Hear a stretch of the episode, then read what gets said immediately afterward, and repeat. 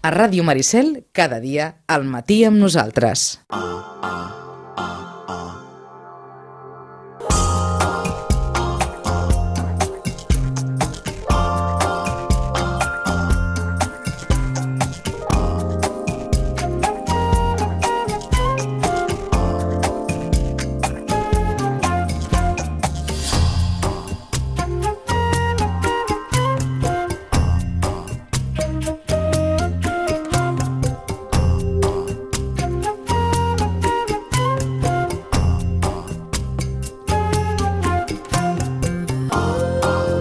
Alguns dels llibres que estan ara a la llista dels llibres més venuts ens els havia apuntat la Rosana el darrer dia. D'Almudena Grandes, Les tres bodes de Manolita, aquesta història després de la Guerra Civil, que s'ha posat ja en el primer lloc de vendes de ficció en castellà, o ens havia comentat la Rosana, per exemple, eh, de Jonas Jonasson, l'analfabeta que va salvar un país, o l'analfabeta que era un genio de les números, com s'ha traduït a la versió castellana, que ja s'ha col·locat també en la llista, tant la versió catalana com la versió castellana, dels llibres eh, més venuts. Però en tenim d'altres que s'han incorporat eh, a la llista dels llibres més venuts i que comentarem, a més de recordar les recomanacions que ens pugui ja eh, fer la Rosana de cara a Sant Jordi. Rosana, bon dia i bona hora. Hola, molt bon dia. Vas... Eh, Vaja, vas ficar el, el dit a, a, a llibres que han aparegut a la llista dels més venuts, eh? Sí, sí, sí. A la directa, pam! Directe, sí. Eh? sí. És, és allò, no?, de fer tants anys de llibres. Suposo que sí, eh? Sí. Això és l'ull clínic de l'experiència. Està clar, està clar que sí. En, I afegim, en la llista de llibres més venuts, i anem ja eh, de, cara, de cara a barraca, no havíem parlat, em sembla, de Memòria de sang d'Enric Calpena, del periodista Enric Calpena. No, perquè encara, de fet, eh, sí, és un llibre que va sortir, doncs, potser ja fa tres setmanes, eh? Mm. Ara és co- com tot un món dir tres setmanes, no?, perquè eh, cada dia allò és... Cada dia surten coses. Cada dia surten moltes coses, molts llibres, i és allò que impressionant, vull dir, impressiona la, la taula, perquè dius, bueno, no, no, no, no sé on anirem, no? Eh, suposo dir, que Necessitem ma- una taula al carrer, també. Eh, suposo que amb els anys d'experiència, però, la taula no et deu impressionar més que com t'impressionava l'any passat o l'anterior. No. O com et pot impressionar l'any que ve, No, segurament, però eh? el que, que, suposo que el que impressiona és, a dir, eh, saps, allò, sembla que, doncs, eh, hi hagi com una falera cap al paper, cap a eh, fer impressió en paper, llibres Sí. en paper, quan, no? quan Mm. sembla que, que tothom està, està dient que llegeix més en digital, o sigui, Sí. que és que, com una contradicció. És que d'aquí dos dies tornarem a reflexionar sobre el mateix de sempre. Per què s'editen tants llibres si se'n llegeixen tan pocs? O per què s'editen tant en paper si tothom diu que eh, l'imparable sens de la, del llibre digital és, és evidentíssim? Sí, però fixa't que també tots aquells que editen en, en digital eh, acaben fent una impressió en paper perquè Mm. necessiten fer la impressió en paper. Doncs mm, és increïble, no? És un, Eh, eh. potser una d'això de, de cultura de dir no, no, és que avui tinc el llibre a les mans. Mm, Eh? és que em Perquè sembla- fins i Tot els autors, eh? És que em sembla que fa anys ho vam dir. Sí, Com s'assigna un llibre digital sí. o com, se es, regala, o com es regala per Sant Jordi un Sí. llibre digital? Com s'embolica, com, vaja, en fi, com si escriu, com si escriu una dedicatòria que s'ha d'escriure al darrere de la... De, com, com, com es fa en un llibre digital? Com funciona això? Doncs això s'hauria de ser, tot, eh, tot, tot pel camp digital, no? està clar, tot, eh, tot per internet. però es perd la part més, més diguem-ne, més humana, la que part és més evident. humana, la part més personal, Evidentíssim. Més, no? Allò de, de veure la cara a l'altre quan, quan Mhm. ho rep, no? Allò de, de, de Doncs, donar-t'ho. Eh? al final suposo que inventarem alguna cosa, no sé, una, una, una mena de, de fulletó o de tarja que pugui incorporar a l'arxiu digital i que es pugui signar d'alguna manera perquè algú es pugui endur a casa seva com a mínim un, Sí, un record sobre això, no? paper Mm. amb la signatura de l'autor o una cosa així. Tots aquells que vulguin comprar, eh, que no s'ho descarreguin il·legalment, que això ja seria... Ah, ara, ara has donat el clau. Vaja, Bé, però ho farem un altre dia, no? ho farem un altre dia. ho farem Ho farem. un altre dia. Bé, l'únic avantatge del llibre en paper és que no hi ha, no hi ha descàrrega il·legal. El llibre en paper o el compres o no el compres. Exacte. No ho pots comprar de cap altra manera, no ho pots anar a buscar de cap altra manera. Bueno, sí, no, sí, exactament és això, vull dir, que estem parlant de llibres en paper, vull dir que o ets usuari de biblioteques o... Exacte, però vull que, dir- Que en el fons és el mateix. De la mateixa manera que hi ha una edició pirata amb DVD, no hi ha una edició pirata de llibre en paper. No, no, tot manta de llibres jo encara no n'he vist. Mm, No, no, no, no. A- No- aquí, vist, eh? o no? A casa nostra, eh? Que si recordes, uh, l'últim llibre que va escriure el García Márquez, si recordes, es va enfadar molt, Mm. perquè en el seu país encara no estava publicat el llibre i ja havia sortit en, en top manta. Ah, Eh? I és perquè, doncs, bueno, eh? doncs allò de... eh, eh, Com que Eh. sempre hi ha un impressor darrere, Però, no? eh, aquest que treballa a l'impremta o que té una mica l'impremta també pot fer eh? Ara coses m'hi rares. m'hi jugo alguna cosa que si algun dia veiem llibres en el Top Manta, la Rosana dirà, alegria, imagina't els llibres si tenen interès, Sí. que fins i tot han arribat al Top Manta. Exacte. I això Sí, sí, encara... una alegria, i- serà una i- alegria. I, serà una alegria, però això encara no ha passat i difícilment, difícilment passarà. Exacte. Fora del Top Manta, dèiem, Memòria de sang d'Enric Calpena, la Rosana ens comentava que feia tres setmanes Sí, potser tres que havia setmanes, sortit aquest llibre. així Que, que sí, sí, i ha estat això, aquest debut literari, no?, que és una novel·la històrica. Eh? És Mhm. una novel·la històrica sobre, en definitiva, la Primera Guerra d'Àfrica, no?, i ens presenta aquest personatge, estem a la Barcelona del 1850... Sí, més o menys. 51, diu? 51, Mm. doncs 51, i, i ens presenta aquest personatge, en Joan Gor, que és un, un nano, no?, i que en definitiva va de Reus cap a Barcelona, és un nano que viatja amb el seu pare, i la veritat és que tot és allò...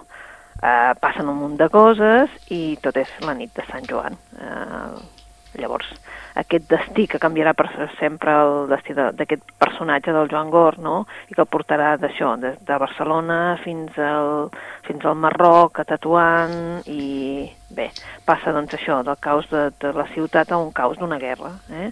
perquè clar, es, es, es presenta com a voluntari eh, els voluntaris de Catalunya, no? I un batalló aquells que... És allò, eh? Ni organització, ni disciplina, ni res de res. I llavors ell el que ha de conviure és això, amb el general Prim, Mm. eh, bé, amb el comandant Sugranyes i, l- en definitiva, el que ell voldria és doncs, eh, que el seu batalló, evidentment, doncs, aconseguís eh, emportar-se a la batalla. Ah, És bé, és una novel·la històrica, um, no sabem si serà, no? En definitiva, ara ha començat, ha començat a moure's, no? Però és que, en defin... saps allò que dius, bueno, eh, hi ha tantes novel·les en aquell moment que és no, oh, difícil, tant. no?, que totes apareixin en, el, en els llibres més venuts, doncs perquè en, també... en, és, en, eh? en fiquem dues, que no sabem si també per Sant Jordi eh, sortiran molt. Mm, no sé si havíem parlat del primer heroi de Martí Gironell. El primer heroi del Martí Gironell, el Martí Gironell ja saps que sempre juga amb, Per això, per això. eh, amb un avantatge i és que és un amb- és molt conegut. El, el Calpena també, eh? però Sí. jo crec que, que això d'estar cada dia no? Mm. a TV3 també fa que doncs, eh, el Martí Gironell i a més a més doncs, que tothom recordi no? eh, la seva obra eh, clar, es va centrar primer a Girona, a Besalú, Mhm. després és un referent ja en novel·la I- i històrica, el cas de- si recordes, a Montserrat, Sí, no? i el cas de Gironell és paradoxal, vaja, Mm. singularíssim, eh? Sí. Que, que, un, eh, que un escriptor, i ens sembla que ja ho podem definir com a escriptor, amb aquesta, amb aquesta trajectòria, presenti el trànsit, Sí. però té, té un punt, eh? Té un, té un què? O, o una persona que presenta el trànsit pugui acabar, eh, vaja, eh, desenvolupant una carrera literària amb aquest èxit, com ha tingut Martí, Martí Martí Gironell, Gironell, sí. eh, doncs això no sé si deu ser massa comú, eh, eh, vaja, en els mitjans de comunicació d'arreu, eh, que l'home que presenti el trànsit tingui aquesta carrera literària. No, o que... jo, no, jo diria que no, eh? Jo diria Però- que no, ara, no, no se sap però mai. que no se sap mai, no? No se sap mai. El que- no sabem què fan no? els, escriptors que, ens, que presenten el seu llibre i són d'altres països, tampoc no sabem ben no ho bé. sabem, eh? però eh? El, que, el que està clar és que és un home de verb cultivat, això sí, i, i a l'hora de parlar d'una d'una d'una loquaci- d'una loquacitat que no, que no falla mai i d'un llenguatge molt, Ara, molt ara cuidat. dic, Eh? No? És un gran comunicador, jo Un gran crec, comunicador, eh? i tant. Sí, és un gran comunicador, és a dir, que quan està presentant el llibre es posa el públic a la butxaca, sigui qui sigui el públic, no? Mhm. Perquè és un gran comunicador, i si el deixes parlar, ell en té molta d'història per explicar. Eh? Està clar que sí. I llavors el que fa, doncs, també que aquesta vegada que eh, eh, ha canviat d'editorial, suposo que ja ho has vist, que ha canviat, eh, En, no sé si... eh, edi- Ediciones Vesta, Sí, no? exacte, ha canviat d'editorial, ell estava en editorial Columna, ha canviat d'editorial Ediciones B, i Ediciones B el que ha fet és una gran aposta del llibre en català i en castellà alhora. Mhm. És a dir, també l'ha editat en castellà. És un llibre eh, d'un format més gran que el normal, eh? Mhm. És a dir, mm, quan veus el llibre el dius, carai, eh? Vull dir, quin llibre, no? Perquè és més gran que el normal, per tant ocupa molta taula, eh, és un llibre en tapa dura, allò que veus, un gran llibre, un gran llibre de, de format, no? I en aquests moments, clar, ha començat a moure's perquè jo crec que també ell, també és veritat, és veritat, que està disposat a anar A tot arreu. Eh? O sigui que aquí tenim un dos llibres per Sant Jordi. Sí, sí, sí, sí, jo crec que serà també un dels llibres de Sant Jordi. Jo aquest Sant Jordi el veig complicat, t'ho haig de dir, Vicenç, veig molt de llibre conegut, és a dir, d'autor conegut, Ah. i ho veig complicat, perquè dius, bueno, quin serà? Doncs, home, Mhm. mm -hmm. seran molts alhora. Vols dir que el pom de dalt estarà molt repartit, eh? Sí, sí, sí, sí, no serà un de sol. Ah, Això també és d'agrair, eh? D'acord. Eh? Vull dir, més que un de sol, també és veritat que en aquest moment hi ha molta eh, obra d'autor català sobre les taules. eh, el que està clar és que la Rosana, la Rosana sempre s'ha mostrat una mica tipa, tipa, que si la diada de Sant Jordi comença a les 9, a les 10 ja hi hagi la necessitat mediàtica d'assenyalar qui pot ser un llibre de Sant Jordi i a les 12 dir-ho ja. Sí, perquè Eh, saps que, tu saps que això també fa que, que no? Sí. Que molta gent que no està gaire decidida es decideixi per un títol que potser que ni és el seu, ni caldria que Sí, fos sí. aquest, saps? I que, Vull dir i, que es perdi, també- I que es perdi la màgia de la diada, no? Sí, sí, sí, jo, clar, mm, hi ha molta gent que sí que ara ja està començant a venir a, a, a mirar, no? Mhm. A mirar, i jo crec que això és bonic, Doncs perquè segur- tu has de dir-te abans, no? Vull dir que dius, bueno, Mhm. també ens ajuden els mitjans de comunicació, no? Sigui premsa escrita, sigui ràdio, sigui, no? Perquè et van donant idees de, de possibilitat, no? I no, no només hi ha un, un lector, per tant. Mm -hmm. Apuntàvem el primer heroi de Martí Gironell, hem d'apuntar, està clar, Eufòria, de Xavier Bosch, com ja ens havies dit, Sí. eh, que promet també ser un altre dels llibres de Sant Jordi, eh? Sí, un altre dels llibres, sí. Eh, ja vam dir que era molt fàcil de llegir, Mhm. que era doncs, un personatge, el Dani Santana, que doncs, doncs, ta- també té aquest estil no, no, més periodístic i també això fa que, que sigui molt, molt ràpid, molt, eh? Mhm. I clar, és una eufòria, eh? Doncs per tancar la llista en català, a part d'alguns dels títols que ja ens ha comentat la Rosana, havíem parlat de tota aquesta gent d'Isabel Clara Simó? Diria que no, Ne que no? diria que no. També és un, un, una novetat d'edició 62 i llavors, clar, eh, és, són, són contes, eh? És que és, són uns petits contes eh, que, que, que fan que, que d'una sèrie de personatges que, i és el seu dia a dia, no? Mm, què hi ha en aquests contes? Doncs bé, doncs totes les passions humanes, no? Des de la gelosia, els desitjos sexuals, infidelitats, envelliment... De fet, mm, tot el que conforma el dia a dia de qualsevol, doncs també hi és. També la, la qüestió laboral, la qüestió personal, i, bueno, mm, en l'últim compte sembla que, jo la veritat és que només n'he llegit dos, mm? Sí. que diuen que l'últim conte doncs, és una caricatura de la societat catalana en aquests moments, no? Vaja. La Isabel Clara Simó també és, és un, té ja un públic assegurat. Mhm. I, molt, I moltes hores de vol. Exacte, eh? Ja, és, és que, clar... Moltes hores de vol. Sí, exacte, ja és una autora molt consolidada i, per tant, també serà una de les apostes de, de molta gent. Ah, uh, apuntem en, en castellà, alguns dels títols també ens els havia comentat la Rosana, Frederick Forsyth, que està a dalt de tot, en el número 3, després de les tres bodes de Manolita i, de, i del Juego de Ripper. Havíem parlat de uh, Bajo la misma estrella, de John Green? No, Eh que no? no, aquest és un llibre que, que també, mm, que de fet és un llibre que diguem-ne, eh, recordes el fenomen Wonder? Sí. Doncs va per aquí, eh? Va per aquí el uh, Wonder. Eh, aquest llibre no, no és ben bé novetat, vull dir, ara torna a tenir un, com una segona vidilla, no?, Bajo la misma estrella. És un llibre que ens torna a parlar, torna a ser aquests llibres que en castellà es, es, es publiquen amb nube de tinta, eh? que és aquesta literatura crossover, és a dir, personatge jove, eh? que ho poden llegir els joves, però que tu com a adult doncs, hi veus tota una sèrie de valors. Eh? Um, és una novel·la que també agrada doncs, això, eh? a tots aquells que volen una sèrie de valors i que seria doncs, també la novel·la que hauríem de recomanar als joves. Per què? Pues perquè hi ha, un tem hi ha temes que eh, ells mateixos els haurien de llegir, no? Vull dir, què és això, no? Un càncer de pulmó d'una persona jove Mhm. i bé, quan coneixes un altre que també té un altre, no? que també està portant una altra càrrega física doncs, eh, dura, doncs potser doncs, també se't fa com a més, Uh -huh. més portable, no? Tot Mhm. plegat, vull dir que tu, tu pots eh, arribar a entendre que t'ha tocat això i que potser que ho posis, doncs, eh, bueno, que, que vegis que eh, eh, has d'assolir-ho, eh? no? Mhm. Vull dir, has d'acceptar-ho i, i posar-t'hi bé. Mm? És una història, bueno, mm, d'allò d'optimista, d'optimisme, de que de dir, eh, doncs les malalties són malalties, però també hi ha una, una part positiva de cadascú que l'hauríem de treure, perquè si no, no arribes a, a superar-ho tot. Eh? Um, per això, com que són dos personatges, estan sota la, misma, sota la mateixa estrella. Bajo la misma estrella de John Green, i apuntem abans de les recomanacions de la Rosana, amb no ficció hi ha un ventall interessant, eh? Mm.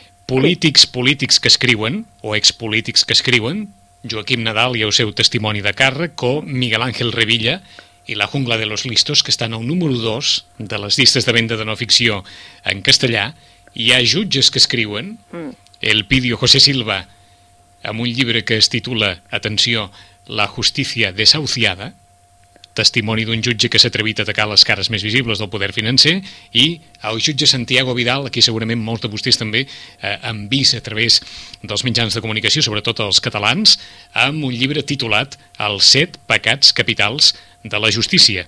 O sigui que jutges que escriuen.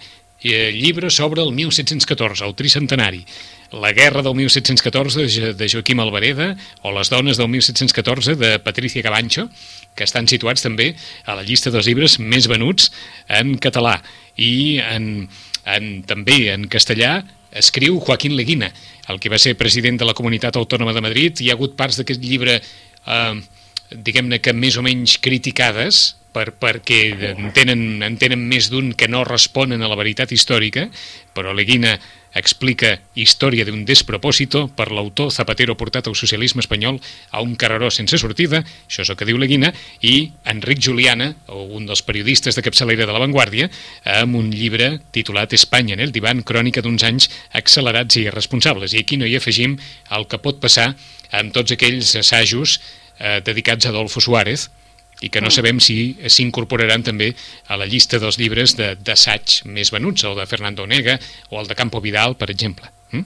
Sí, sí, la veritat és que sí. Hi ha un ventall ben ampli, eh? Un ventall molt ample, sí, eh, un ventall molt ample, però, Vicent, entre tu i jo, aquest serà l'any de, de, de, de llibres sobre el 1714, eh? Sí?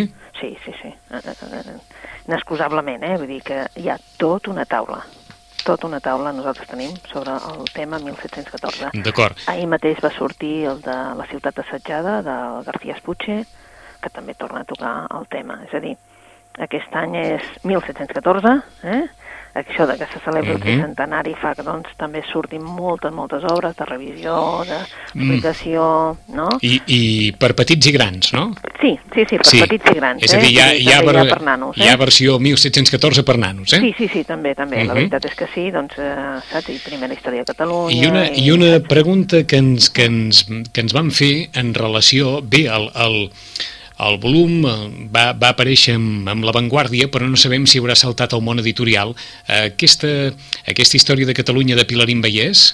Sí, eh, aquesta història de Catalunya de Pilarín Vallès fins al dia, em sembla que és 12 d'abril, que és quan està sortint per, per diguéssim, conjuntament amb l'avantguàrdia. La, a partir de llavors es podrà comprar tota, sencera, a les llibreries. D'acord. Ho diem per aquells que tenen un especial interès. Exacte. A partir del 12 d'abril, qui vulgui sí, aquesta història de Catalunya de Pilarín. El 12 dirà 15, eh? perquè vull dir, no sé com la repartiran. D'acord, en qualsevol cas... a nosaltres. En eh? qualsevol cas, abans de Sant Jordi, eh? Abans Això segur. de Sant Jordi la repartiran, sí, és abans de Sant Jordi, perquè a més a més, saps allò, eh, no n'hi ha gaires, mm, has de comprar, has de comprar-la de dir, doncs, amb 80, perquè uh -huh. no sabem si n'hi hauran, són, com que són aquests volums eh, petitets, doncs mm, són especials, són és, és, és, és revisada, vale? perquè la història de Catalunya per la Pilar Invalies ja la tenim en mm -hmm. un llibre, no? Exacte. El que passa és que doncs, aquest tipus de volums, que la veritat jo encara no els he vist, doncs eh, és, es podrà comprar els mm -hmm. volums a, a la llibreria. D'acord, ho diem perquè, mm, com que Pilarín Vallès és un autor d'aquelles transgeneracional, sí. sí Eh? I que, coneguda, coneguda. Coneguda, coneguda, i que els seus dibuixos sempre... Vaja, en, ens sembla que no hi ha generació que no hagi crescut una miqueta amb els dibuixos de Pilarín Vallès i es veu, o almenys el ressò que ha tingut aquesta edició de la història de Catalunya revisada per la pròpia Pilarín Vallès eh, ha estat tal que val la pena també pensar que aquells que no l'hagin tinguda o que no, o que no l'hagin pogut adquirir a través de l'avantguàrdia sàpiguen que abans de Sant Jordi hi haurà la possibilitat des de l'editorial d'adquirir-la també eh, sencera. Sí, sí, sencera mm. la llibreria, a partir de, ja et dic, ens van dir, no sé si és el dia 12, més o menys, o sigui, tan, pronta s'acabi el, Mhm. la repartició a l'avantguàrdia, llavors sí que es podrà aconseguir tots sencers, no, no Perfecte, un per un. Eh? perfecte. Perquè el que demanàvem nosaltres també és això, no? perquè si no després la gent es queda sense, saps? Mhm. Lo típic que algú es queda sense un volum. El que no sé què passarà és quan algú tingui, saps? Uh, tingui quatre i necessiti aquells tres. Ah, exacte. Això no ho sé, Però encara de- no ens ho han explicat. Doncs de moment ens quedem amb això, eh? Amb això, sí, que es sí, podrà eh? adquirir, que es podrà adquirir després de que finalitzi aquest període en què es pot adquirir a través de l'avantguàrdia. De l'avantguàrdia, Eh? Anem a fer un repàs a les recomanacions, Rosana. Vinga, les que et vinguin doncs, gust. eh, un altre, pel, pel que fa no ficció, abans que em n'oblidi, Mhm. un que ja només ha sortit i ja comença a tenir ressò, és d'aquests de no ficció, és Si Beethoven pogués escoltar-me, Mhm. del Ramon Gené. Mhm. Aquell periodista que doncs, fa aquell programa de l'òpera en texans, Vaja, que es diu. sí. Eh? Doncs ha fet un llibre, un llibre molt amè, i mm, bé, doncs eh, comença ja doncs, a tenir ressò abans, de, vull dir, només sortir. Eh? Mm. Clar, ja sabem que ell és un apassionat de la música i, clar, també li agrada, és una persona que també li agrada, doncs allò, compartir-la, eh, compartir aquesta dèria que és la, la de la Mhm. música i explicar-la. Amb una veritable passió, eh? Ho fa? Sí, eh? I llavors, doncs, en, ens, eh, amb aquest llibre el que ens explica simplement és eh, això, com s'aprèn a escoltar la música, com s'aprèn a estimar-la, i la veritat és com la música també eh, doncs, porta uns altres valors, és a Mhm. dir, que aquesta, diguéssim, sensibilitat també pot portar doncs, el valor de l'amistat o, o la, importància doncs- de, de, ser allò curiós, una persona Don- curiosa. Doncs ens agrada que, que almenys per una vegada la música aparegui aquí en la, en la llista Si Beethoven pogués escoltar-me, de Ramon Gené, l'home de l'òpera en texans, eh? Sí, que, sí. que aborda el món de la música des d'aquesta vessant tan edificant. Sí, en- és en- un llibre molt curtet i, Mhm. i només diu això, tot el que la música m'ha ensenyat. Eh? Vaja, Llavors, bueno, eh? suposo que doncs, també, doncs, eh, saps, doncs, també hi ha un públic, diguéssim, que no vol tant el llibre la novel·la, sinó que vol una cosa doncs, eh, Mhm. que li cridi. I aquesta Entesos. serà, suposem, una de les coses que cridarà eh? doncs, la, la, la, bueno, que Doncs la curiositat d'un públic. doncs hi afegim a la llista de, diguem-ne, d'assaig, aquest Si Beethoven pogués escoltar-me, de Ramon Gené. I ara sí, vinga, alguna, alguna novel·la d'aquelles que digui la Rosana, una, dues, va, les que ens hi càpiguen. Um, una, una, sí, no, em sembla que no la vam recomanar, no ho sé, digue-m'ho tu, El Jilguero, No la vam recomanar. no la vam recomanar. Afortunadament m'ho fico tot ja en una llibreta i ara puc fer no? marxa Jo enrere. també, però és que la, la darrera setmana no m'ho vaig apuntar i vaig fer malament. Eh? Ara ja puc fer marxa enrere i dir sí, no, i ja està, Exacte, eh? eh? sí. El Gilguero. El Gilguero, la dona tard, una autora um, una autora que s'aprèn amb molta calma, eh? la primera la va publicar crec que era uh, fa 21 anys, una cosa així. Home, doncs una mica, una mica de... No, no l'apreta l'editorial, no? No, no, gens, eh? I ella no s'apreta gens, eh? La primera, El Secreto, un èxit terrible, la segona, Juego de Niños, un altre èxit terrible, i quan diem un èxit terrible és una obra literària, ojo, no, no, no estem parlant Mhm. d'un best-seller com a, saps, allò Sí, sí. fàcil de llegir. No, no, és una obra literària, però és que va aconseguir 5 milions de lectors, o sigui, que sí, que era un èxit, no?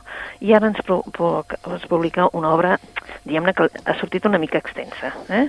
Quan dic extensa vull dir que té 1.143 pàgines.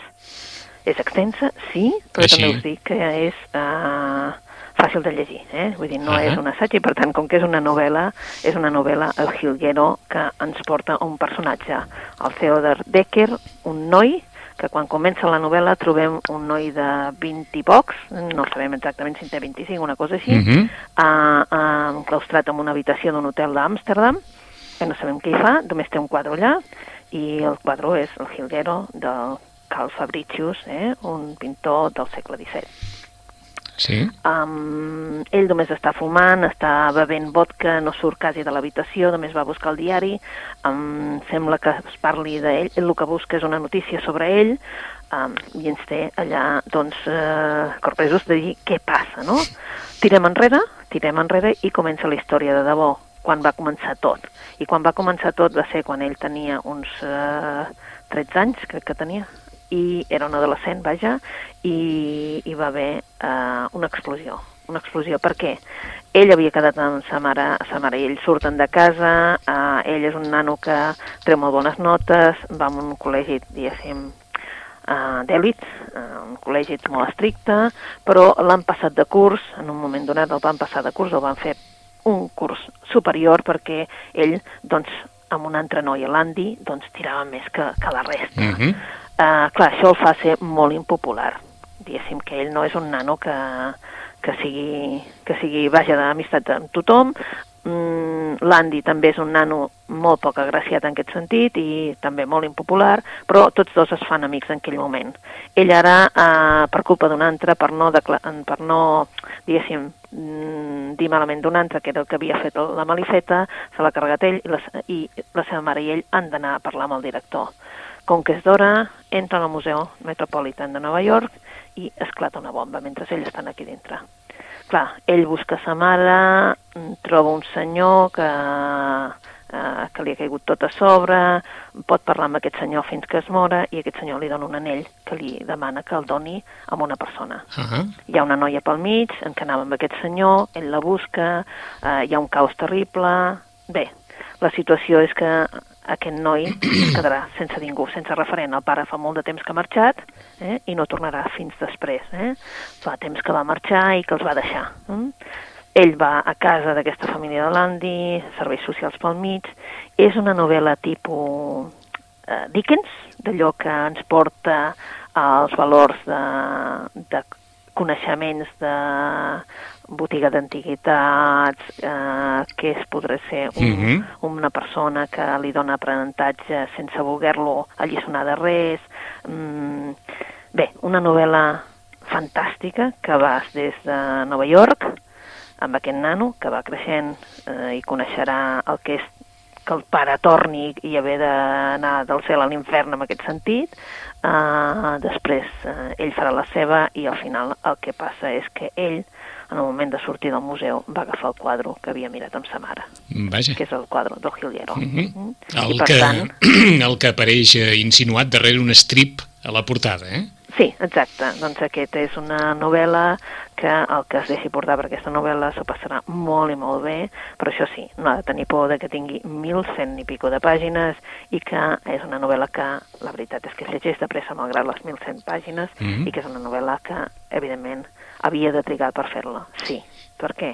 Pues, bueno, ella triga uns, més de 5 o 6 anys ha trigat per fer aquesta novel·la, però la veritat és que s'ho mereixia. El Hilguero de la Dona Tar, per aquells que vulguin una novel·la molt bona. Doncs uh, la, la crítica... Que ja ells la consideren, eh, els crítics la consideren un clàssic. La, la deixen pels núvols, eh? Per, sí. per tot el que hem pogut mirar ara així un cop d'ull mentre ens comentaves la, la novel·la, hi ha unes crítiques, vaja, eh, sensacionals, sí, eh? Sí, que és que et deixes portar per la novel·la i t'encanta, vull dir, um, a mi se'n fan bastantes, saps allò, se'n fan les tantes a mi, doncs, llegint la novel·la, em queda doncs, molt poquet per acabar-la ja. Doncs si s'hi volen posar El Hilguero de Donatar, mm, una de les novel·les, vaja, de la temporada o de la dècada, si estirem molt, a partir del que diuen els crítics. 11 i 45, n'afegim una més, Rosana, una vinga. Més, pues una molt curteta, si voleu, en té moltes, eh? però una molt curteta que em sembla que no, Querido Diego, te abraza Kiela. No l'hem no, comentat. No, sembla que no la vam. -huh. És de la Premi Cervantes, Helena Poniatowska, ¿vale? i aquí el que fa és posar-nos les cartes de la Angelina Belov, la pintora russa, eh, la pintora russa que va estar amb el Diego Rivera, evidentment aquest uh mhm. -huh. Diego és el Diego Rivera i la Angelina és la Kiela. Eh? és una carta que, les cartes que ell envia amb el Diego Rivera perquè el Diego l'ha portada a París però ara l'ha deixada allà. El Diego marxa... Això era abans, ella... de, això era abans de Frida Kahlo? O... Sí, sí, sí, abans. Abans, eh? Sí, sí. Eh? D'acord, d'acord. L'octubre del 21. Uh -huh. I llavors, doncs, eh, clar, l'ha deixat allà eh, i són unes cartes d'amor precioses precioses. Bueno, les cartes aquells que... Vale. El Diego l'anomenava amb ella la Kiela uh -huh. i mhm. va ser la primera dona d'aquest uh, moralista mexicà. Mm, D'acord. Eh? Era una pintora, però evidentment va ser eclipsada pel, pel seu marit, pel, eh? I, clar, um, què passa? Doncs que la relació també, la veritat és que està marcada, doncs, allò, no?